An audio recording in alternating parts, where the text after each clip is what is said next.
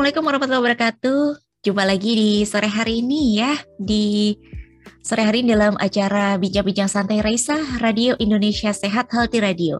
Halo Sobat Sehat, apa kabar di sore hari ini? Mungkin Anda di sore hari ini sedang bersantai atau mungkin menikmati uh, udara segar di sore hari ini atau mungkin sambil ngemil-ngemil dan Anda masih bersama dengan kami di Radio Indonesia Sehat. Jumpa lagi dengan saya Galuh dan pada kesempatan sore hari ini kita akan mengajak Anda, kami akan mengajak Anda untuk Sobat Sehat yang mendengarkan Raisa Radio melalui aplikasi streaming, melalui melalui uh, website kami di radioindonesiasehat.com dan juga lewat Zoom. Kami akan mengajak Anda nih Sobat Sehat untuk kita sama-sama belajar mengenai zero tolerance, kekerasan, perundungan, dan pelecehan. Nah, kita akan menyimak obrolan menarik selama satu jam ke depan dan juga kami akan mempersilahkan Anda Sobat Sehat di mana pun Anda berada untuk nanti berpartisipasi untuk bertanya langsung kami persilahkan dan kita akan bincang-bincang santai nih Sobat Sehat bersama dengan narasumber kami yang telah hadir pada sore hari ini ada Dr. Wika Hartanti, Master of International Health dari Departemen Pendidikan Kedokteran dan Bioetika FKKMK UGM. Dan Dr. Wika pada sore hari ini akan ditemani oleh Mbak Gabriela Eva Pangaribuan Sarjana Kedokteran atau Mbak Gebi, begitu ya dari profesi dokter FKKMK UGM. Silakan menyimak Sobat Sehat dan Anda boleh menyimak sambil santai atau mungkin sambil ngemil-ngemil kami persilahkan. Baik, kepada Mbak Gebi, waktu kami persilahkan untuk Anda. Uh, selamat sore Sobat Sehat semua, selamat sore Mbak, selamat sore Dokter Wika. Ya, saya dengan uh, Dokter Muda Gabriela, hari ini kita akan bincang-bincang singkat mengenai zero tolerance kekerasan, perundungan, dan pelecehan. Jadi ini topik yang memang uh, sedang marak dibicarakan gitu ya uh, kepada Dokter Wika kita langsung mulai nggih Dokter ya dengan uh, pertanyaan atau nanti yang dapat kita diskusikan beberapa topik ke depan. Uh, selamat sore Dokter Wika. Selamat sore Mbak Gebi. Iya. Boleh request. Uh, gimana Dokter? Boleh request. Sebelum boleh, mulai dokter. boleh request Mbak Gebi. Oh boleh dong. Biar dokter. lebih enak, nggak kayak di kelas gitu. Mungkin saya mm -hmm. dipanggil Bu Wika juga nggak apa-apa. Oh, Oke okay, Bu Wika. supaya Siap. lebih santai nanti terlalu jauh jaraknya. Saya sudah ibu-ibu kok, jadi nggak apa-apa dipanggil ibu. Siap Bu Ika. Oke. Uh, Bu Ika kita uh, mulai dari yang pertama biar semua sobat sehat juga tahu sebenarnya uh, apa sih uh, Bu dari definisi sendiri dari kekerasan, perundungan dan juga pelecehan supaya ke depannya persepsi kita sama dulu nih terkait topiknya. Oke, terima kasih Mbak Gebi atas kesempatan dan pertanyaannya. Uh, jadi ini tadi boleh langsung dijawab banyak atau nanti mungkin kalau kepanjangan ada yang mau diklarifikasi boleh langsung di uh, apa dipotong ya sama Mbak Gebi. Saya kecenderungannya nggak bisa berhenti kalau udah ngomong. Siap Bu Ika. Jadi, uh, jadi seperti yang Mbak Gebi sudah sampaikan, ini momennya tuh cocok banget ya, pas sekali karena secara nasional kita juga tahu ya uh, banyak sekali berita-berita dan kasus-kasus yang terkait dengan pelecehan seksual, perundungan itu terkuak gitu ya. Akhir-akhir ini kok kayaknya itu jadi berita yang tidak jarang kita dengar gitu loh. Jadi uh, entah dengan berbagai sebab mungkin karena juga uh, ada banyak awareness dan juga karena ada apa uh, komitmen ya dari pemerintah gitu untuk mulai memperhatikan dan mendukung. Nah kalau kembali ke uh, definisinya sebetulnya ya uh, seolah-olah kan memang itu semua intinya adalah kekerasan gitu ya. Jadi baik itu dalam bentuk perundungan ataupun dalam bentuk yang lain yang um, menyerempet atau relevan dengan seksual gitu.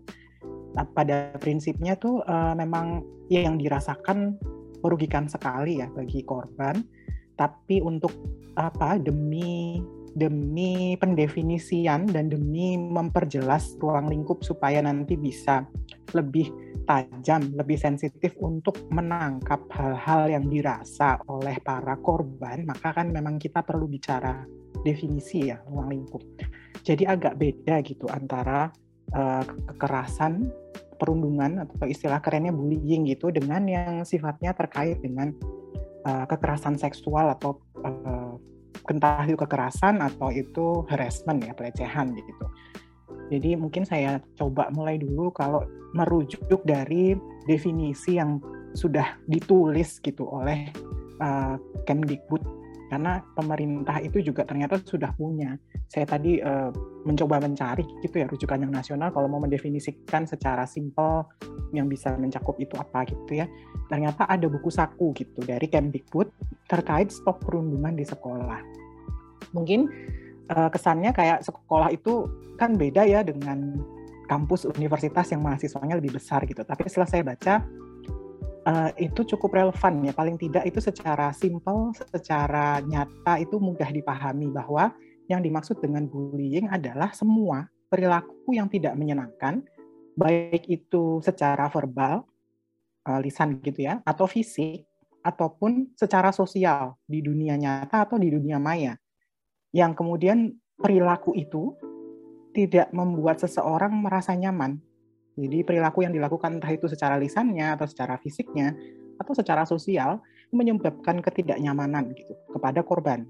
Korban nanti bisa sakit hati, bisa mungkin dia tidak mengenali bahwa itu adalah sebetulnya ketidaknyamanan, dia cuma merasa down gitu ya, tertekan gitu. Nah ini bisa dilakukan uh, perorangan, jadi one to one gitu, atau per kelompok gitu. Jadi sekelompok melakukan perundungan pada satu individu gitu, keroyok gitu tuh bisa. Jadi pada prinsipnya memang uh, definisinya tuh kayaknya luas banget gitu mau membatasinya gimana. Ya memang itu dibuat begitu menurut saya ya karena tujuan bahwa bentuknya itu bervariasi gitu loh. Uh, bentuk ketidaknyamanan dan uh, pelanggaran atau perilaku yang merugikan itu. Dari yang dia nampak jelas, kita bisa lihat orang itu dipukulin, maka dia dibully, kita bisa teriak gitu, kita bisa dokumentasikan, sampai yang sifatnya nggak bisa dilihat gitu. Misalnya dikucilkan, gimana cara kita mau mendokumentasikan dikucilkan gitu ya misalnya secara sosial itu. Jadi memang sengaja menurut saya dibuat definisi yang cukup uh, luas karena toh dampaknya itu semuanya nyata. Baik yang dia dibully secara fisik maupun yang dia dibully secara sosial, jadi nggak dia nggak luka. Itu ternyata dari penelitian dan kajian-kajian yang sudah banyak dilakukan, ternyata dampaknya sama ke mental ternyata menurunkan prestasi, ternyata membuat trauma gitu. Jadi makanya itulah kemudian uh, saya rasa saya setuju gitu dengan definisi bahwa semua perilaku yang tidak menyenangkan baik secara verbal atau fisik atau sosial mau itu di dunia nyata jadi uh, berhadapan langsung atau dia di dunia maya gitu. Jadi mungkin hate speech itu juga masuk ya bisa masuk perhubungan gitu. Kalau kemudian itu melukai dan membuat merasa tidak berharganya korban gitu membuat dia tertekan. Mungkin sampai situ dulu untuk yang perundungan. Nah ini saya mau sekalian cerita yang pelecehan seksual agak beda dikit atau mau lanjut yang perundungan dulu, yang bullying? Uh, boleh uh, Wika kita uh, untuk dari definisinya boleh langsung nanti setelah okay. ini kita bisa bahas terkait contoh-contoh yang nyata gitu ya Bu ya yang sering ada di sekitar kita mungkin biar sama dulu pikiran sama persepsinya bisa dilanjut dulu Bu Wika. Oke, okay, saya lanjutkan untuk yang J, Bu pelecehan seksual ya. Jadi kalau agak bedanya, agak bedanya dengan kekerasan atau pelecehan seksual gitu adalah ini spesifik gitu karena dia dilabeli ada uh, komponen seksualnya. Artinya dia biasanya jauh lebih sensitif. Sama-sama traumatis gitu ya, sama-sama traumatis tapi karakter korbannya dia juga bisa jadi tertekan tapi kadang-kadang itu yang uh, lebih menyulitkan prosesnya karena lebih banyak yang tidak mau speak up pada saat itu terkait dengan seksual. Karena itu hal yang private gitu ya. Apalagi kemudian di norma masyarakat kita dianggap segala hal yang berkaitan dengan diskusi seksual itu masih sering dianggap tabu gitu. Betul jadi, setuju. Jadi makanya dibuat sendiri yang lebih eksplisit, yang lebih spesifik gitu bahwa kalau yang terkait dengan kekerasan seksual pelecehan seksual itu adalah hal-hal yang tidak menyenangkan yang dilakukan oleh pelaku gitu ya kepada korbannya, tapi dia spesifik menyangkut pautkan dengan uh, mungkin organ seksual atau kemudian menginsinuasikan atau apa ya nyerempet-nyerempet aktivitas seksual yang dikenakan pada si objek atau si korban itu gitu ya. Jadi dia spesifik sekali. Kalau untuk perundungan kan kadang sering kali kita lihat bahwa itu dia lebih general, lebih luas misalnya dipalak gitu ya, dipalak untuk uang gitu. Terus kemudian misalnya dia diminta mengerjakan pekerjaan yang uh, harusnya dikerjakan individu gitu ya. Terus atau mungkin memang sengaja cari uh, lagi marah terus ketemu orang yang kayaknya bisa dipukulin terus dipukulin gitu. Jadi dia kan lebih general. Dan kadang-kadang uh, korbannya itu lebih imbang, lebih banyak bisa terjadi pada perempuan dan laki-laki. Kalau pelecehan seksual itu objek uh, pelanggarannya atau perilaku jeleknya itu dia sangat mengarah pada organ seksual gitu, organ kelamin misalnya atau tidak hanya kelamin ya, misalnya organ yang kemudian bisa diasumsikan itu seksual, misalnya bagian-bagian tubuh dari mulai payudara, terus kemudian alat kelamin, bahkan mungkin bagian uh, pantat atau bagian tubuh yang lain yang mungkin sebetulnya kalau uh, tidak ada hal-hal yang apa namanya uh, terlalu eksplisit bahwa itu adalah uh, apa ya mau mau menyentuh pun kalau dikata-katai atau disenggol di di apa ya diberikan uh, cemoohan atau uh, ungkapan gitu yang dia arahnya untuk mengomentari fisik terutama organ yang sifatnya seksual gitu. Jadi, nah ini khas spesifiknya bedanya dengan perundungan adalah korbannya yang banyak adalah perempuan yang jadi objek gitu. Ya perempuan banyak banyak terkait dengan norma kita juga sih, tapi sebetulnya tidak hanya di Indonesia, tidak hanya di budaya timur saja ya, di mana-mana kayaknya itu eh, universal bahwa kalau untuk pelecehan seksual itu seperti disproportionate bahwa banyak sekali yang kemudian menjadi objek korbannya adalah perempuan. Walaupun data juga kemudian merekam bahwa korbannya yang menjadi uh, yang mengalami pelecehan seksual itu sebetulnya tidak hanya wanita, ada juga laki-laki tapi persentasenya lebih kecil. Nah, lebih lagi yang persentase lebih kecil ini untuk pria kadang-kadang juga lebih susah speak up karena dianggap bahwa kalau pria tuh masa ia bisa dilecehkan gitu ya.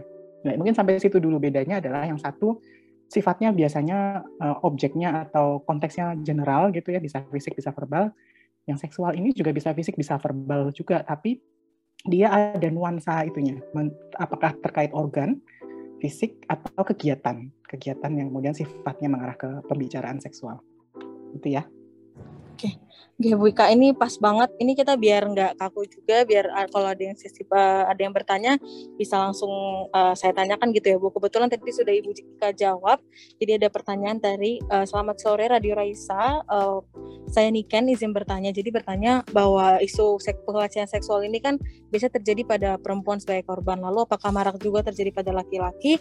Yang kebetulan sudah dijawab tadi oleh Bu Ika memang proporsinya lebih banyak pada perempuan, tapi pada laki-laki itu juga bisa bisa terjadi. Namun kesulitannya untuk uh, para korban laki-laki susah untuk speak up Bu ya karena memang mungkin uh, stigma masyarakat kok laki-laki bisa dilecehkan, kok laki-laki mungkin uh, seperti cengeng atau uh, mengadu kayak gitu. Jadi tetap bisa terjadi pada laki-laki maupun perempuan gitu ya Bu ya.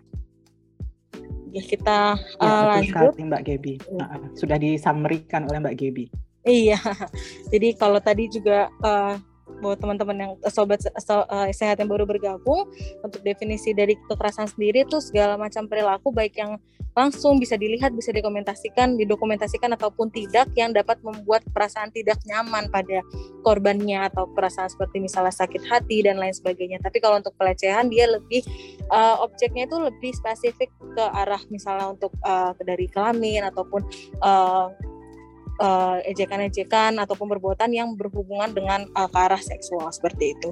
Nah, Bu untuk contoh-contoh dari kekerasan sendiri apa sih yang uh, marak terjadi dan dari Ibu sendiri banyak uh, menerima laporan atau melihat seperti itu? Sorry, saya belum unmute. ya, jadi kalau yang banyak terjadi, contohnya kayaknya uh, sudah banyak yang mungkin bisa ngeh ya, terutama yang kelihatan kalau kekerasan atau perundungan yang fisik ya mulai dari apa namanya yang mungkin agak ringan sekedar memegang dengan keras atau memepet gitu atau kemudian memukul, menampar, mencubit, eh, melukai itu bisa kelihatan. Atau misalnya kalau yang juga nggak nggak secara fisik tapi secara lisan jadi bisa didengar juga masih tetap bisa direkam gitu bahwa dibentak-bentak terus direndahkan. Misalnya nadanya tidak keras tapi isi percakapannya atau isi lisannya itu menghina gitu ya. Atau kemudian sengaja menyindir atau sengaja me menjelekkan di depan orangnya atau di belakangnya gitu ya. Jadi uh, secara lisan pun itu juga akan berdampak kan kepada korban dia bisa trauma dia bisa down dia bisa merasa bahwa saya tidak berharga atau saya kok buruk sekali di mata orang gitu ya nah yang sering nggak kelihatan itu tadi yang saya bilang sosial Jadi kayak orang kalau nggak bener-bener memperhatikan itu nggak ngeh kalau itu adalah juga bentuk perundungan tapi dalam bentuk sosial. Misalnya dikucilkan, didiskriminasi. Jadi misalnya uh, sekelompok anak atau satu orang anak yang dia kemudian dijauhi oleh teman-temannya misalnya ada sekelompok grup yang kemudian sengaja memprovokasi untuk menjauhi itu juga bentuk perundungan. Terus mungkin dia juga didiskriminasi bahwa yang lain boleh mendapatkan tertentu tapi yang orang ini tidak. Misalnya ulang tahun yang lain diundang yang dia tidak diundang. Itu kalau yang kena uh, korbannya itu merasa nggak nyaman dan dia merasa down maka itu masuk kategori perundungan secara sosial gitu ya. Jadi banyak banget gitu karena ternyata setelah ditelusur kalau yang diurusin cuman yang sifatnya dibully secara fisik dan verbal itu ternyata kayak gunung es gitu loh. Ternyata ada banyak yang dia juga menderita gitu karena dia secara sosial justru yang mendapatkan secara sosial ini kadang-kadang dia lebih sulit disembuhkan lebih sulit ditangani ya. Karena biasanya berlangsung lama nggak ada yang tahu sampai akhirnya nanti muncul uh, dampak konsekuensi yang sangat buruk gitu. Tiba-tiba misalnya perilakunya berubah, tiba-tiba dia menyakiti diri sendiri, si korban maksudnya ya. Karena dia ternyata ada di lingkungan yang secara sosial merendahkan dia gitu.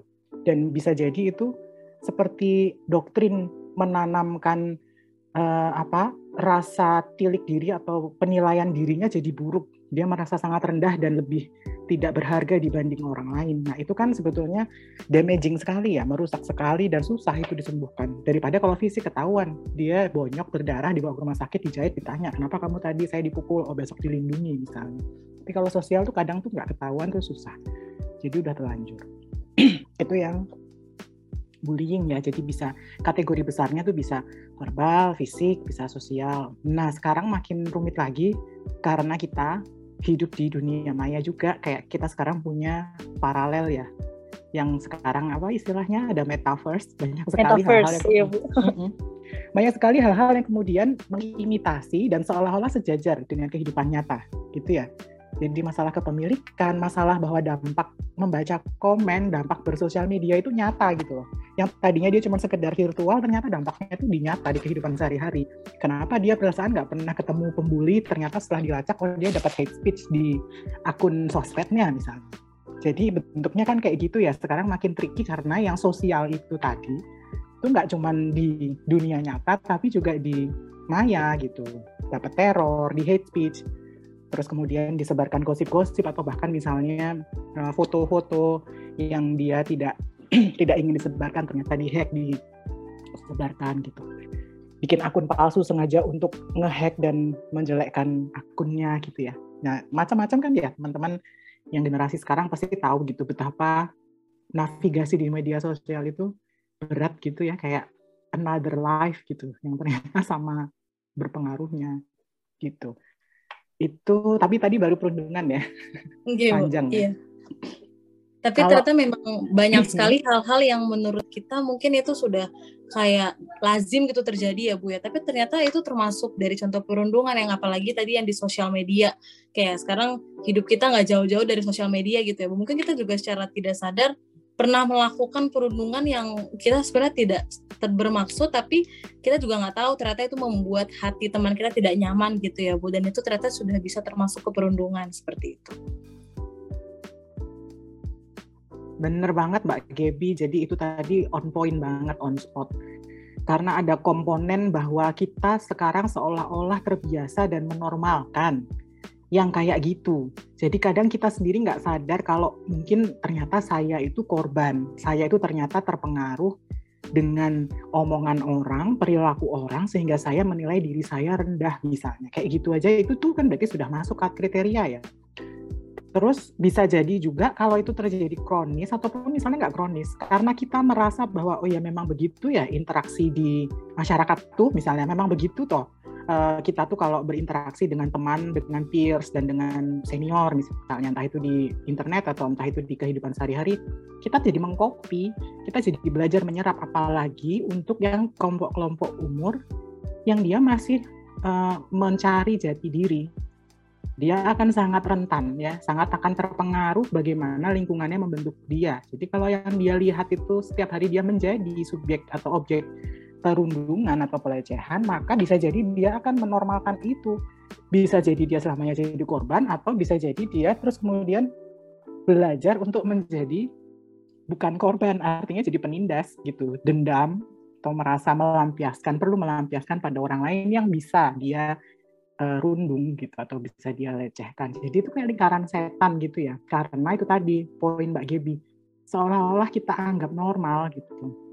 Itu yang menjadi kunci untuk intervensi sebetulnya gitu. Ya, betul sekali. Makanya tadi ketika sobat sehat uh, kita sudah menyamakan persepsi dari definisinya, ke depannya paling tidak kita bisa uh, mencegah atau lebih peka terhadap diri kita sendiri gitu. Apakah perbuatan kita mungkin ada menyakiti hati teman kita atau membuat teman kita tidak nyaman seperti itu ya Bu ya. Nah itu tadi untuk contoh yang perundungan maupun dari yang kekerasan. Nah kalau dari pelecehan seksual sendiri itu juga uh, banyak sekali ya Bu contohnya. Dan yang paling sering terjadi apalagi pada perempuan dan mungkin pada laki-laki juga. Kayak misalnya kita saya juga sering nih Bu pulang malam uh, jalan kaki ke kosan gitu ya. Ada yang manggil gitu kayak istilahnya catcalling gitu ya Bu. Nah itu kan uh, sudah dianggap sangat lazim. Padahal sebenarnya kita sebagai perempuan juga kalau malam-malam jalan ada yang melakukan seperti itu juga takut gitu ya Bu merasa cemas seperti itu. Nah, contoh-contoh apa lagi sih Bu dari pelecehan seksual yang uh, kerap dianggap lazim padahal sebenarnya itu termasuk dari pelecehan seperti itu Bu? Oke, terima kasih Mbak Gebi, bener banget. Yang paling klasik itu bentuknya kan catcallingnya disiulin atau disapa-sapa tapi menggoda seolah-olah cewek gitu gitu kan. Nah ya itu orang kayaknya langsung sekarang bisa gitu ya me mengidentifikasi ih dia dilecehkan atau misalnya korbannya sendiri mungkin dia sudah sangat aware dan saya merasa ini dilecehkan. Tapi ada yang kemudian sekarang itu ternyata bentuknya itu setelah dikaji ditelusur tuh bentuknya juga banyak gitu loh. Yang itu kan tadi uh, verbal ya lisan. Pandangan tuh juga bisa dia merasa nggak nyaman diliatin dari atas ke bawah atau dilihat pada uh, apa namanya bagian-bagian tertentu gitu. Atau dikomentarin bukan disiulin tapi dikomentarin misalnya apalagi kalau ini nggak ketaranya tuh kalau sama orang yang dikenal ya.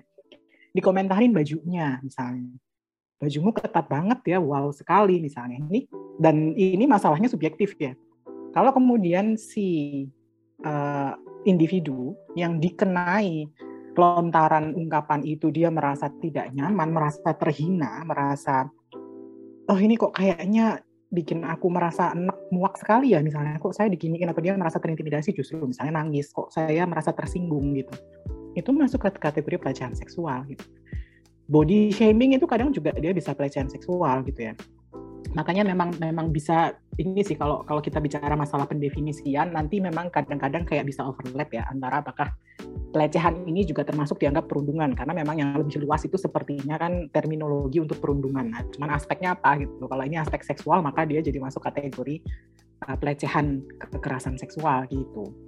Dan menariknya mungkin saya agak nyerempet sedikit nanti kalau tertarik maka kita diskusikan ya. Karena di universitas kita itu di di, diatur sendiri gitu loh Mbak terkait tindakan pelanggaran uh, pelecehan seksual gitu. Jadi kita kan punya peraturan ya kalau untuk di UGM itu ada peraturan yang sifatnya umum yang mengatur tata perilaku mahasiswa UGM. Semuanya. Jadi mau itu S1, S2, pasca sarjana, S3, profesi, jadi mulai OAS, PPDS gitu semuanya yang dia masuk kategori peserta didik tuh dia akan terikat dengan peraturan rektor UGM tentang tata perilaku. Nah di situ sebetulnya sudah masuk tuh kategori kalau perundungan ada tindakan-tindakan yang membahayakan, mengancam, merugikan orang lain, mahasiswa lain itu diatur tuh pasalnya, sanksinya di situ ada. Tapi baru-baru ini tahun 2020 kemarin UGM tuh nambah satu peraturan lagi. Peraturannya khusus itu tahun 2020 mengatur tentang penanganan kasus pelecehan kekerasan seksual. Jadi dia semacam uh, peraturan yang kemudian menyusul, dia melengkapi peraturan tata perilaku, karena sanksinya nanti tetap akan merujuk ke tata perilaku ya. Tapi yang baru 2020 ini disosialisasikan untuk menunjukkan komitmen universitas bahwa care banget gitu. Universitas ini mau melindungi sivitasnya. Kalau yang ini tidak hanya mengikat pada mahasiswa, tapi sivitas semuanya. Jadi siapa pun yang dia teridentifikasi sivitas UGM, itu akan bisa terlindungi jika dia menjadi korban uh, untuk pelecehan atau kekerasan seksual gitu. Penanganannya khusus gitu. Nanti pendekatannya khusus, pelaporannya pengelolaan kasusnya khusus. Itu segitu concernnya karena sering kali dirugikan para korban yang terkait pelecehan seksual ini dia kayak hidden kan, malu dia mau bilang malu dia mau melapor atau mau mencari keadilan itu biasanya takut gitu. Ya yang bullying juga sih kadang-kadang takut karena nanti kalau saya lapor ternyata nanti saya juga uh, malah nanti di apa dicing kalau bisa Jawa dicing itu di apa ya ditandain gitu. Wah kamu ngelapor berani beraninya gitu ya. Nanti dia sendiri yang rugi padahal dia mau mencari keadilan ternyata dia teridentifikasi gitu. Nah untuk yang pelecehan seksual ini lebih lebih lagi. Biasanya jauh sekali jarang sekali yang mau membuka karena dia merasa malu. Dia sudah merasa bahwa area privatnya terlanggar direndahkan. Dia sendiri mungkin sudah mempunyai tilik diri bahwa saya tuh ternyata kotor gitu. Jadi dampaknya pelecehan seksual itu sampai segitunya gitu kak. Apalagi biasanya tadi uh, statistically speaking cewek gitu. Mas, jadi kayak memperparah uh, kondisi konstruksi norma yang di mana mengobjektifikasi perempuan. Ada kejadian kayak gitu biasanya gampang sekali wanita jatuh ke self blaming gitu. Padahal kan bukan salah dia ya harusnya. Yang salah kan orangnya yang secara sadar pelakunya untuk misalnya entah dia menyenggol, mepet, atau kalau nggak menyentuh dia catcalling, atau dia uh, menyatakan ungkapan melontarkan ungkapan-ungkapan yang membuat dia malu gitu-gitu kan itu bukan salah dia ya tapi seolah-olah sekarang seringnya kan ceweknya juga gitu bajunya gitu toh nah tuh. jadi kadang tuh ya bukan kadang sering banget dia udah kebacut si korban itu punya persepsi diri yang buruk gitu gara-gara kejadian itu gitu. Padahal harusnya bukan salah dia kan itu kan hak ya orang individu untuk berekspresi ya kalau kita merujuk pada hak manusiawi gitu. Ya sampai situ dulu. Tapi uh, kayak gitu karakteristiknya untuk yang uh, pelecehan seksual Ya, benar banget dari yang udah disampaikan oleh Ibu Wika tadi bagaimana uh, para korban itu sering terutama perempuan sering sekali uh, eh, self blaming gitu ya Bu. Apakah mungkin baju saya yang terlalu terbuka atau mungkin saya salah keluar malam padahal itu semua pikiran itu terbentuk karena stigma yang ada di masyarakat seperti itu. Kalau misalnya perempuan mengalami kekerasan ya salah perempuannya gitu. Padahal kita uh, mau perempuan yang bajunya terbuka, mau baju yang tertutup, mau anak sekolah, mau yang sudah dewasa itu semua pernah menjadi korban kekerasan seksual. Jadi memang salahnya itu bukan di korbannya, tapi ya dari pelakunya, dari pola pikirnya. Kayak bagaimana ceritanya anak SD juga bisa gitu mengalami kekerasan pakai baju seragam, pakai baju tertutup itu kan sama sekali istilahnya tidak mengundang gitu untuk dari uh, pelakunya sendiri seperti itu ya Bu. Dan ini kemudian uh, uh, nyambung banget ada banyak yang bertanya Ibu terkait tadi yang pelecehan tadi, uh, bagaimana sih caranya uh, agar anak-anak atau para korban itu sadar mereka itu sudah dilecehkan atau mereka itu adalah korban. Bagaimana supaya uh, para korban ini bisa lebih berani, tidak hanya dipendam sendiri, apa yang bisa dilakukan gitu Bu agar para korban itu juga berani mau melaporkan apakah mungkin harus kita bawa menjalani terapi terlebih dahulu. Nah, nanti setelah ini baru kita menyambung ke SOP cara melapor dan juga bagaimana bukti nyata dari UGM sendiri gitu ya Bu ya. Jadi tadi pertanyaannya seperti itu. Bagaimana sih kita ke korban ini agar mereka sadar sudah sudah dilecehkan agar mereka nggak mendam sendiri aja gitu Bu. Oke, terima kasih Mbak Gebi. Jadi tadi membacakan pertanyaan ya. Tapi tadi saya setuju banget gitu sama yang nanya dan sama elaborasinya Mbak Gebi bahwa kayaknya itu masalah utamanya gitu loh. Mau nggak mau bagaimana mengenalinya itu, trikinya itu karena kita sering kali menemukan nggak pada tahu. Jadi literasinya itu sangat rendah seperti yang kita omongin tadi kayak di awal kan kesannya kayak kita bicara definisi banget gitu kayak textbook banget lah. Tapi dari situ kalau orang paham dan kemudian tadi seperti pembicaraan kita bahwa apa saja sih kita identifikasi yang masuk kategori membuat orang tidak nyaman, membuat orang tertekan, membuat orang merasa terhina karena dia dikata-katai secara seksual misalnya itu kan namanya kita belajar ya, kita belajar tahu, kita punya literasi. Kuncinya di situ sebetulnya yang pertama kali. Karena bagaimana kita bisa mengenali untuk siapa pun ya, untuk diri kita sendiri atau untuk melihat orang lain dan membantu gitu. Kalau kita nggak tahu, kita akan ikut arus dengan stigma-stigma atau mitos-mitos yang menormalkan itu. Maka kunci pertamanya adalah banyak-banyaklah belajar atau banyak-banyaklah membuka wacana.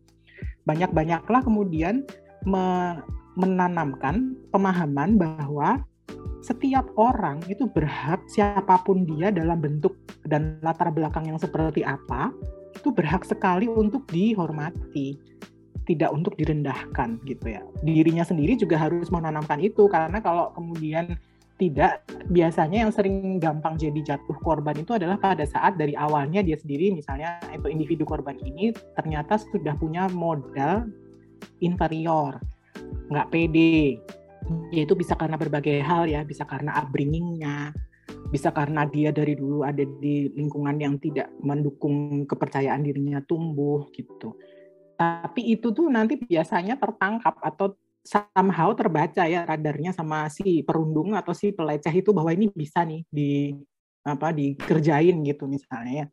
Jadi kadang-kadang tuh, nah tapi kita kan nggak boleh menyalahkan ya. Apakah dia memilih? Apakah ada individu yang kemudian memilih mau hidup dengan uh, misalnya lingkungan yang kayak gitu? Kan sering ya memang jelas kita tahu kita nggak bisa memilih kita dilahirkan di mana, dibesarkan dan ketemu orang yang seperti apa. Kita kan nggak bisa milih. Maka uh, persepsi itu tadi bahwa kalau yang salah itu adalah yang selalu disalahkan juga adalah korbannya karena dia menyebabkan atau membawa malapetaka itu sendiri, itu yang dia juga harus kemudian digeser keduanya. Jadi yang pertama tadi bagaimana cara yang mengenali adalah kita harus buka gitu. Kita buka harus tahu bentuk-bentuknya apa sih perundungan itu kayak gimana, pelecehan itu kategorinya apa, ada banyak sekali spektrumnya. Yang kedua, kita juga harus mau uh, mengenali atau mengakui bahwa setiap orang itu punya hak yang sama, punya nilai manusia yang sama, mau dia dari kota, mau dari desa, mau dia punya, mau dia nggak punya, mau dia bajunya seksi atau terbuka atau tertutup, panjang pendek, mau dia sekolah di mana, mau dia junior, mau dia senior, nggak ada urusannya sama nilai dia sebagai manusia, nggak boleh direndahkan, itu loh.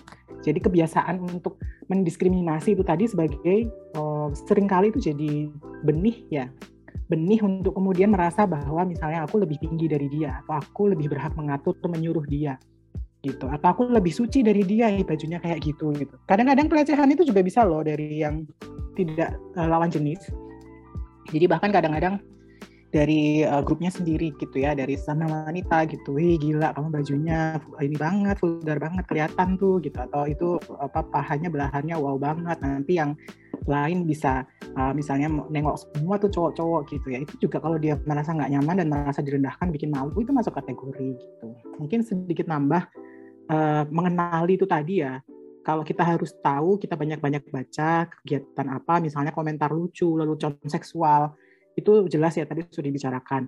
Ini loh ada juga yang sering tau dulu zaman saya SD tapi ya itu yang nggak tahu kalau sekarang tuh pernah ada nggak. Istilahnya XCB jadi dia uh, pelaku itu dia menyentuh dirinya sendiri atau memperlihatkan organ uh, kelaminnya di depan umum atau menuju pada satu orang gitu. Misalnya di jalan tiba-tiba ada anak pulang sekolah terus dia dihadang terus dia dikasih lihat alat kelamin uh, prianya sama si pelaku gitu ya anaknya nangis kaget bingung karena dia nggak taunya apa di kenapa aku dibeginikan gitu ya. itu masuk pelecehan seksual gitu atau kemudian uh, menyentuh gitu. Mepet-mepet nyenggol-nyenggol gitu. Itu tuh juga termasuk uh, pelecehan seksual. Atau menampilkan misalnya eh lihat nih aku punya gambar baru nih oh, kayak gini nih. Kamu mau ikut lihat nggak nih? Kayaknya mirip nggak sama punyamu misalnya.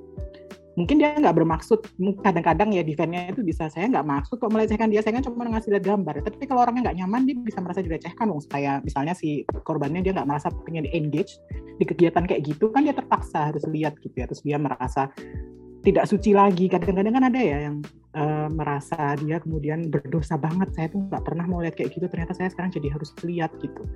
Nah yang kayak gitu-gitu itu yang harus disadari bahwa ini sangat subjektif memang. Jadi nggak boleh yang mau kita usahakan gitu ya sama-sama mengenali dan mengakui bahwa nggak boleh kita mengecilkan perasaan tersinggung dan perasaan tidak nyaman si korban. Itu itu salah satu paradigmanya karena harus victim friendly karena bukan salah dia dia tuh objek gitu loh. Ini kan yang secara sadar melakukan tindakan tuh si pelakunya. Jadi nggak boleh di blaming bahwa ya karena dia bajunya gitu sih dia datang ke sekolah bajunya begitu. Udah tahu di sini cowok semua lah bukan salah dia toh. Dia punya kepentingan di situ. Ya cowoknya kenapa kamu harus ngomong begitu gitu kalau tahu bahwa itu menimbulkan ketidaknyamanan gitu. Nah kalau dia memang nggak tahu terus kemudian misalnya bisa ditegur, speak up, kemudian diminta maaf ya berarti nggak tahu ya itu kita lihat nanti prosesnya. Tapi kita nggak itu loh yang harus digeser adalah bahwa gitu aja kok tersinggung. Nah kayak gitu. Itu cewek cuma digituin aja nangis. Ya gimana itu subjektif. Maka pada saat di melaporkan dan dia dikecilkan bahwa pengalamannya itu dikecilkan gitu aja kok lapor misalnya wah itu damaging lagi tuh bisa secondary damage jadi males dia melanjutkan dan nggak bisa memproses biasanya kan kita tergantung dari laporan ya gitu jadi itu jadi um, mengenali literasinya ditingkatkan jadi banyak-banyak tahu spektrumnya apa. Terus yang kedua menyadari bahwa setiap orang itu berhak untuk berekspresi dan tidak boleh direndahkan dalam bentuk apa pun gitu. Dan bukan salah dia kalau ada yang merendahkan terus dia kecewa, dia tersinggung itu bukan salah si orangnya yang dikenai, tapi salahnya yang menyinggung gitu.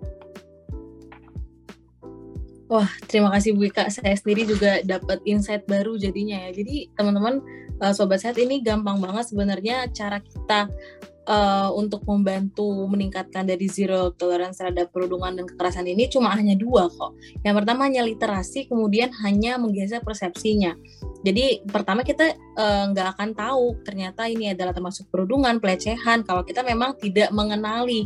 Dari mana caranya kita mengenali ya dengan literasi tadi membaca. Sekarang kan informasi udah banyak banget ya Bu ya di mana-mana. Banyak juga teman-teman uh, yang sudah menggalakkan gerakan dari zero tolerance ini baik di sosial media kayak di Twitter, Instagram, TikTok gitu. Kita nggak harus baca buku gitu ya yang kalimatnya susah.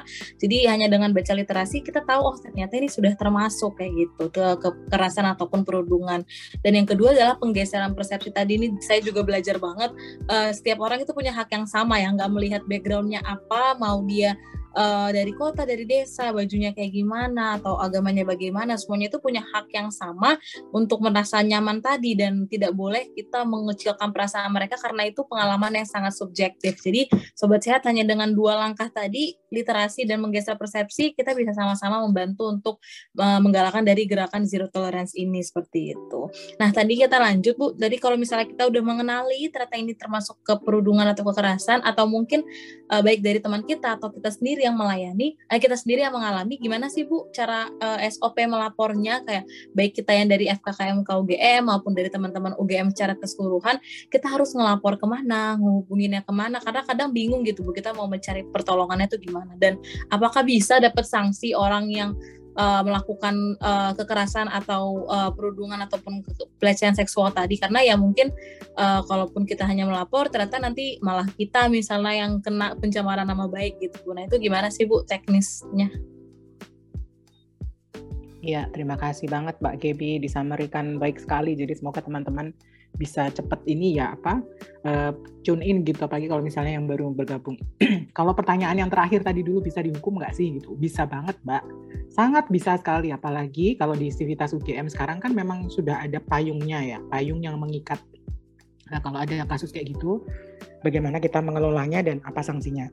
Sorry, uh, saya agak agak ini sedikit apa? Uh, terputus-putus nanti ngomongnya. Karena lagi nggak ini tenggorokannya lagi nggak enak. Ya zaman kayak gini. Oke, jadi bisa banget bisa banget dilaporkan dan diproses tapi memang konsekuensinya adalah butuh kerjasama dan inisiatif dari yang melapor. Nah itu yang susah. Mau meyakinkan, maksudnya bukan susah menantang ya. Nah kita kan maunya kan semua sivitas tuh merasa aman. Kita kan nggak pengen toh, eh jadi orang UGM itu ternyata susah banget. Ada kasus kayak gini tuh mau ke mana? Nggak ada fasilitasnya, nggak ada yang mendukung, nggak ada yang backup, gini-gini aja aku gitu kan. Kita pengen menangkap yang begitu-begitu gitu. Kita pengen menunjukkan bahwa ada caranya, ada jalurnya mungkin saya akan lebih banyak wacana yang khusus untuk FK ya, karena uh, ini itu kita punya yang sudah sangat eksplisit gitu mekanismenya di FK.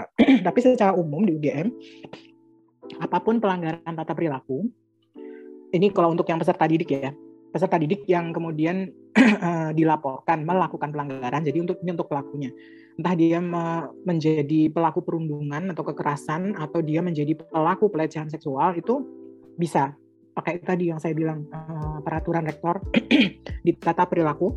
Mungkin nanti kalau teman-teman mahasiswa tertarik untuk melihat bisa kok di Google di lamannya UGM itu saya lupa tahunnya kalau nggak salah 2013 tapi intinya adalah peraturan rektor UGM yang mengatur tentang tata perilaku mahasiswa.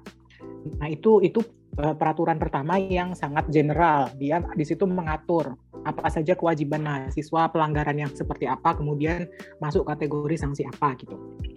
Jadi biasanya kita pakai merujuk ke situ kalau ada laporan oh ini mahasiswa merundung, ya kita cocokkan gitu sama dia masuk kategori apa, sanksinya apa. Terus tambahannya kalau uh, modelnya kasusnya ini pelaku pelanggaran uh, apa pelecehan seksual nanti si korbannya itu nanti akan dilindungi dengan peraturan yang rektor UGM tahun 2020. Jadi peraturan rektor UGM yang 2020 itu mengatur bagaimana supaya korban itu bisa nyaman, bisa terfasilitasi dengan baik dan tidak menjadi uh, apa korban yang harus punya burden of proof itu tadi. Jadi ini salah satu komitmen UGM yang saya pahami ya, saya juga waktu itu ikut sosialisasi soalnya saya nggak termasuk di tim yang membuat itu gitu. Tapi kami termasuk dari FK perwakilan yang diajak untuk mendengarkan sosialisasi yang pertama jadi dari timnya itu tim Pokja Zero Tolerance yang di UGM itu uh, menyampaikan bahwa ini komitmennya institusi UGM itu maunya sekarang kalau ada korban pelecehan seksual itu mereka nggak harus dibebani membuktikan bahwa bukti. Cukup dengan dia bilang bahwa saya merasa mengalami pelecehan seksual dan saya tidak nyaman pelakunya ini bisa diusut gitu. Nggak harus kemudian buktinya apa? Jangan-jangan kamu berlebihan kayak gitu loh. Selama ini kan sebelum ada peraturan itu nuansanya adalah sering kali kata korban itu adalah ya saya merasa tidak bisa melapor karena saya nggak punya bukti buktinya apa? Buktinya saya trauma gitu ya. Gimana membawa trauma kan? Jadi itu yang uh, pokok apa pokok intinya adalah mengatur supaya prosesnya itu victim friendly. Sehingga nanti uh, si korban itu berhak mendapatkan fasilitasi konseling rehabilitasi. Di sisi lain uh, proses pembuatan keputusan bahwa ini harusnya pelaku diapakan karena kalau pelakunya juga sivitas maka kan UGM berhak menjatuhkan sanksi. Beda kalau kemudian kasusnya itu si korbannya UGM, pelakunya non UGM. Nah, itu mungkin dikriminalkan gitu. Mungkin UGM akan membantu melaporkan atau mengusut itu karena ini pelakunya non UGM. Tapi kalau pelakunya juga UGM, maka UGM akan mengelola itu, akan menjatuhkan sanksi secara akademik Nah, itu prosesnya dilakukan di universitas, tidak boleh macet di fakultas atau di unit-unit kecilnya. Misalnya diselesaikan di sini saja di fakultas gitu kan kadang-kadang atau ini diselesaikan saja di departemen di unitnya. Gak usah rame-rame kita damai gitu kan. Kadang-kadang nah itu kan yang sekarang sering disinyalir menekan, itu kan mengintimidasi korban gitu toh. Nah, ini sekarang UGM di peraturan yang 2020 itu menyatakan wajib semua fakultas, semua unit kerja di UGM. Kalau kemudian menerima laporan begitu, harus dilaporkan ke UGM nanti yang memutuskan komite yang dibentuk oleh UGM di UNIF. Nanti ada ada uh, layanan namanya ULT, unit layanan terpadu, tempat yang menampung pelaporan. Ya tentunya pelaporan ini perlu dibantu oleh institusi yang terdekatnya. Maksudnya misalnya korban uh, sudah melapor ke fakultas, ke dekan atau ke kaprodi, maka nanti dibantu melaporkan ke ULT-nya oleh fakultas atau kaprodi gitu kan. Tapi harus dibawa, nggak boleh diputusin di uh, fakultas gitu. Itu kalau secara umum. Lanjut ke yang FK nih. Ya, uh, boleh, uh, baik Bu Ika. Nah ini yang FK juga begitu. Artinya kalau yang jenisnya teridentifikasi kasus pelecehan seksual itu nanti FK pun terikat peraturan itu. Jadi nanti dari FK kita bantu, kita kumpulkan semua informasinya, kajiannya, pokoknya intinya info-info yang diperlukan untuk melacak dan memproses kasus itu nanti dibantu difasilitasi oleh FK, nanti kemudian FK melaporkan ke ULT gitu. Nah, itu kalau untuk pelecehan seksual. Tapi kalau untuk perundungan, kan memang tidak diatur khusus oleh UGM.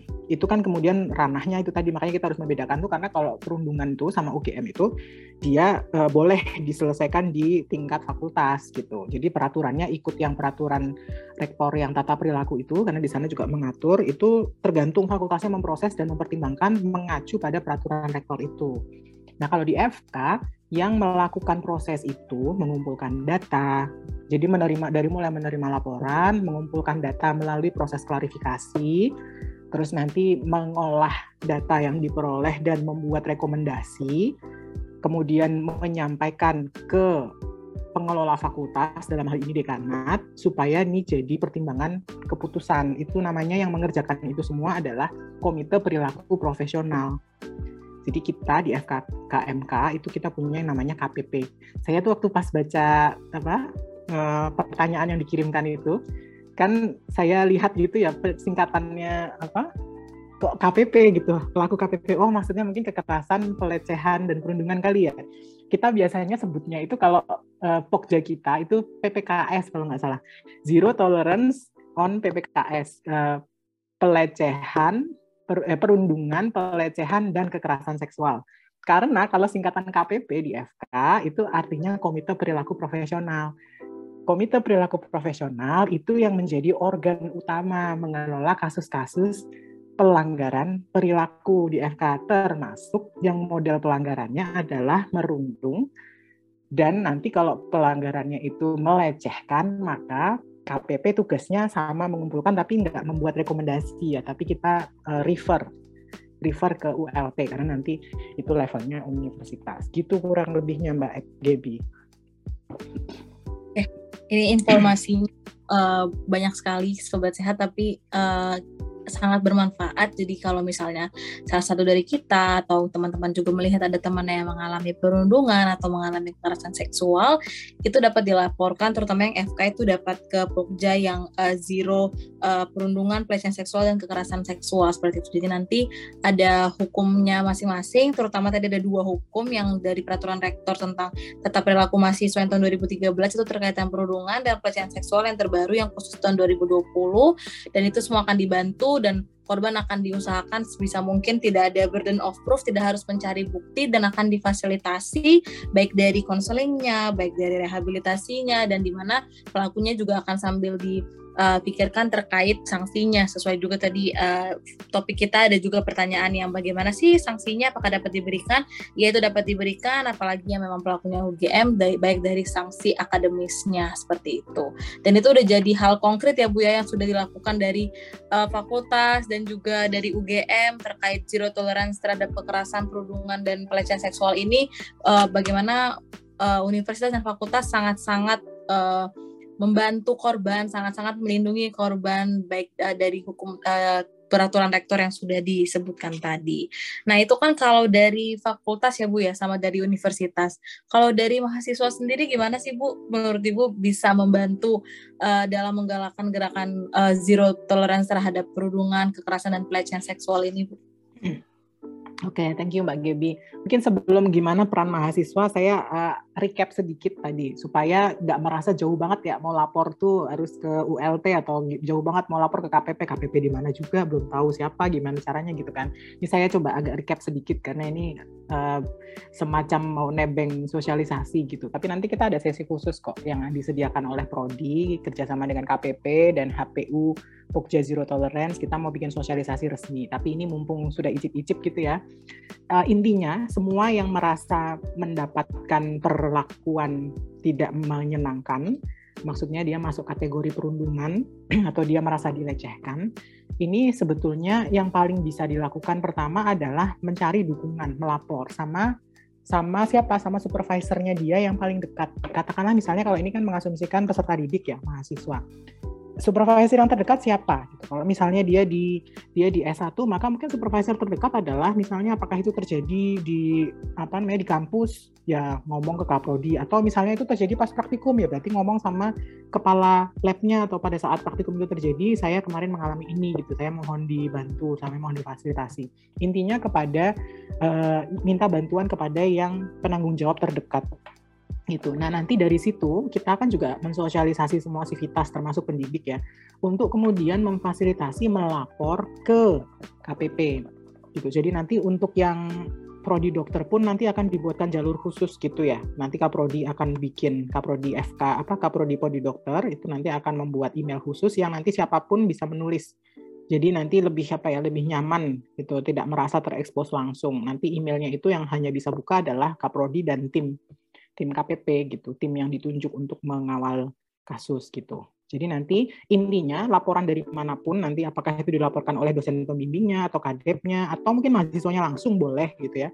Itu nanti boleh ke email khusus kalau sudah jadi di setup atau ke KPP. Ke KPP juga bisa lewat WA, email atau ke sekretariat gitu. Nanti kalau diperlukan eh, kita share ya emailnya KPP apa gitu terus kemudian nomor telepon ada WA sekretariat.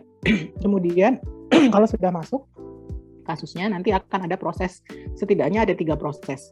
Proses klarifikasi kemudian proses pengkajian data dan kemudian proses pengajuan rekomendasi. Nah nanti KPP itu tugasnya mengelola tiga hal itu. Klarifikasi maksudnya adalah yang tadi yang korban itu dia memang tidak harus membawa buktinya sendiri.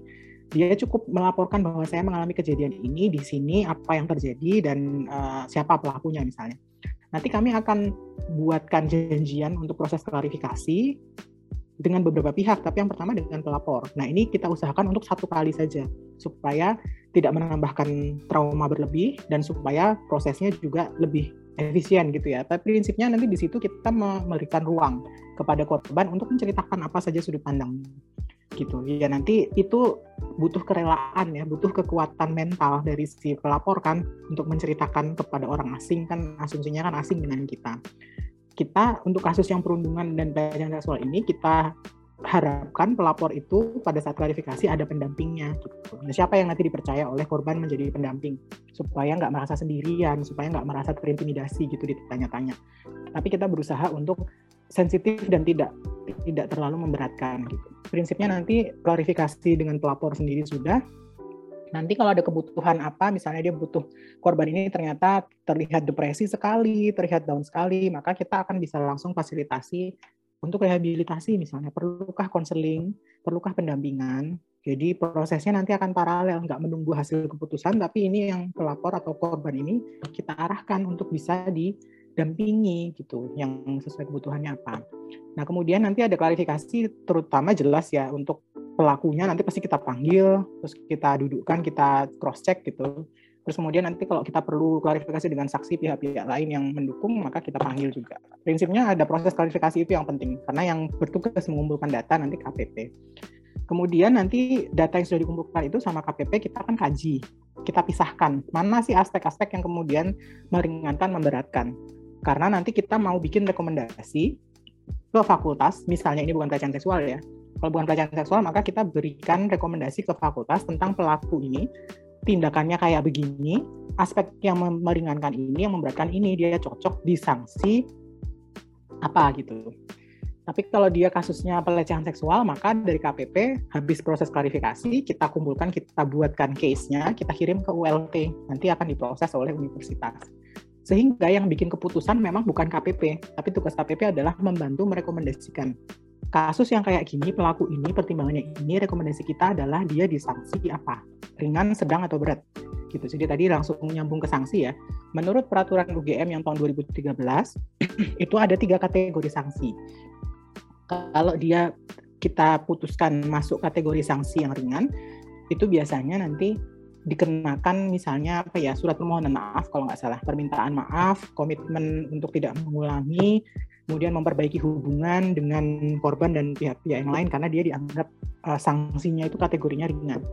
Tapi kalau dia cukup berat gitu ya bahwa dari kajian kita ini kayaknya masuk kategori pelanggaran yang sanksinya sedang itu nanti ada kok pengelompokannya di peraturan rektor itu nanti sudah dipilah-pilah juga tindakan apa yang masuk kategori sanksi ringan, tindakan apa yang masuk kategori sanksi berat, apa yang masuk kategori sanksi sedang gitu. Jadi kalau yang tadi sampai ringan ya ringan itu permohonan maaf biasanya sama komitmen memperbaiki. Kalau yang sanksi sedang itu dari mulai surat peringatan 1 sampai 2 3 kalau udah tiga kali dapat SP biasanya otomatis DO ya Kemudian bisa juga misalnya nggak di SP itu di scoring, jadi di hold nggak bisa belajar, nggak bisa aktivitas akademik itu selama satu semester atau dua semester tergantung kita merekomendasikannya apa. Terus atau mungkin pembatalan nilai, mengulang gitu, mengulang mata kuliah gitu. Jadi itu yang sedang. Nah kalau masuk kita anggap ini pelanggarannya itu sanksinya harusnya berat. Sanksi berat itu kalau di uh, peraturan rektor yang 2013 hanya satu drop out. Jadi KPP itu sering kali sebetulnya apalagi kalau pelakunya itu masih mahasiswa dan kemudian kita lihat ya konteksnya kenapa dia melakukan pelanggaran makanya nanti kita harus uh, cantumkan itu aspek yang memberatkan apa yang meringankan apa gitu. Kenapa kita buat begitu pertimbangannya? Karena kita sebetulnya mau berupaya untuk mendidik supaya nggak di DO kalau nggak dibegitukan nggak dicarikan yang meringankan apa bukan dicarikan ya. Kita kalau harus berusaha objektif gitu ya supaya kalau ada aspek-aspek yang memang itu bukan sepenuhnya kesalahan si pelaku misalnya dia terpengaruh karena sistemnya itu uh, mendesak si pelaku melakukan pelanggaran dia nggak pernah diajarin atau dia mungkin terbawa ke atasannya atau kakak kelasnya seniornya itu bisa jadi meringankan. Sehingga dia nggak jatuh di sanksi berat gitu Karena kalau sanksi berat cuma satu DO. Tapi ya nggak nggak nggak jarang juga sih, bukan nggak jarang. Kita pernah, bukan nggak pernah kita merekomendasikan DO dari KPP karena memang kita tidak menemukan yang meringankan apa gitu. Sehingga sebetulnya sangat-sangat mungkin mendapatkan uh, konsekuensi yang kita harapkan setimpal, gitu ya, proporsional. Sorry, bukan setimpal, proporsional dengan perilakunya gitu. Jadi sampai di situ KPP uh, eh, fungsinya. Memberikan ya. pertimbangan sanksinya ini apa gitu. Ya, uh, banyak sekali sebenarnya yang masih bisa kita bahas ya Bu Wika dan uh, sobat saya sekalian. Tapi kita terbatas waktu. Mungkin bisa nanti ada jilid duanya seperti itu ya karena ternyata banyak banget pertanyaan dari teman-teman yang mohon maaf sekali belum bisa sempat ditanyakan dan dijawab juga didiskusikan oleh Bu Wika. Tapi intinya dari sesi yang terakhir tadi uh, bisa melapor dari yang terdekat dengan teman-teman sekalian. Misalnya dari dosen pembimbing akademisnya tadi yang ke kebetulan kan kalau di FK dosen pembimbing akademis itu dari semester 1 sampai semester 7 itu sama ya Bu Wika ya? Jadi betul, kita bisa betul. sudah dekat dan dokter juga sudah paham akademis kita dan personality hmm. kita itu bisa dilapor ke dosen pembimbing akademis kita. Kemudian nanti dari komisi uh, perilaku profesional akan membuatkan laporannya menemani uh, kita dalam pembuatan laporan dan juga pengajuan dan yang akan disampaikan ke ULT-nya jadi peran dari mahasiswa tadi sederhana sebenarnya. Yang penting literasinya ditingkatkan jadi kita bisa semakin aware. Ini teman saya tadi dilecehkan atau tadi saya mengalami perundungan dan dapat akhirnya melapor. Dan itu peran dari teman-teman dari Health Promoting University juga ya. Saya sebagai perwakilan dari HPU meningkatkan oh. literasi dan uh, sharing di media sosial. Dan menjadi teman curhat teman-teman kita yang mengalami itu sudah sangat-sangat membantu. Seperti itu. Itu uh, sekian dulu Bu Wika. Dan sobat sehat sekalian yeah. terhadap uh, dari diskusi kita tentang zero tolerance terhadap uh, kekerasan seksual, pelecehan dan juga perundungan. Uh, mohon maaf apabila ada kekurangan dan masih banyak yang belum bisa dibahas nih karena terbatas waktunya. Terima kasih yeah. Bu Wika atas informasinya yang sangat sangat membuka pikiran saya sebagai mahasiswa yang sudah koas, sudah semester-semester akhir juga masih banyak nih ternyata yang masih belum saya tahu iya. Bu Wika. Terima kasih banyak Ibu Wika. Belum jawabnya jadi abstender ya istilahnya tadi yang disebutkan oleh Mbak Gebi itu supaya kita tuh mm -hmm. menggalakkan supaya mahasiswa itu sama-sama peduli dan jadi abstender betul, bukan bystander cuma ngeliat iya, terus nggak ngapain gitu. Jadi betul, harus kita berani boleh. whistleblowing dan abstender. Whistleblowing benar sekali. Iya, terima kasih banyak Ibu Wika. Saya kembalikan. Terima kasih. Baik, terima kasih banyak Ibu Wika dan juga Mbak Gebi. Waduh, seru banget di obrolan sore hari ini. Matur sangat Ibu dan juga Mbak Gebi sudah berbagi di sore hari ini. Sobat Sehat sudah tahu ya tadi langkah-langkahnya seperti apa ketika menjumpai hal-hal seperti itu. Dan juga tadi literasi adalah kunci. Jadi terima kasih banyak kami ucapkan untuk Anda Sobat Sehat yang sore hari sudah menyimak baik melalui aplikasi radio, melalui website kami di radioindonesiasehat.com dan juga lewat Zoom. Terima kasih banyak ya. Setidaknya sore hari ini kita sudah melakukan upaya untuk memperluas literasi dan juga memperluas wawasan kita. Semoga bermanfaat Sobat Sehat dan untuk Bu Wika dan juga Mbak Gebi, sehat selalu, salam untuk keluarga di rumah. Terima kasih banyak. Terima kasih Mbak. Dan juga Sobat Sehat, terima kasih, terima kasih banyak. Ya Sobat Sehat, uh, untuk Anda yang ketinggalan uh, informasi tentang uh, obrolan di sore hari ini, Anda juga bisa banget untuk mendengarkan kembali melalui Spotify kami di Spotify di Raisa Radio. Dan Anda juga bisa mendapatkan topik-topik menarik seputar Raisa Radio di at Raisa Radio UKM, akun Instagram kami, silahkan di follow gitu ya. Terima kasih banyak atas kebersamaan Anda. Mohon maaf nih untuk Sobat Sehat yang dari tadi udah antusias banget untuk mengajukan pertanyaan tapi uh, belum sempat kami uh, bacakan. Mungkin di lain waktu. Setuju? Kita mungkin akan uh, upayakan untuk bikin jilid duanya. Terima kasih banyak Bu Ika dan juga Mbak Gebi semoga bisa jumpa lagi di lain kesempatan. Saya Galuh mohon pamit undur diri. Sobat Sehat beserta tim kami mohon maaf apabila ada kesalahan pada saat acara berlangsung. Terima kasih banyak. Wassalamualaikum warahmatullahi wabarakatuh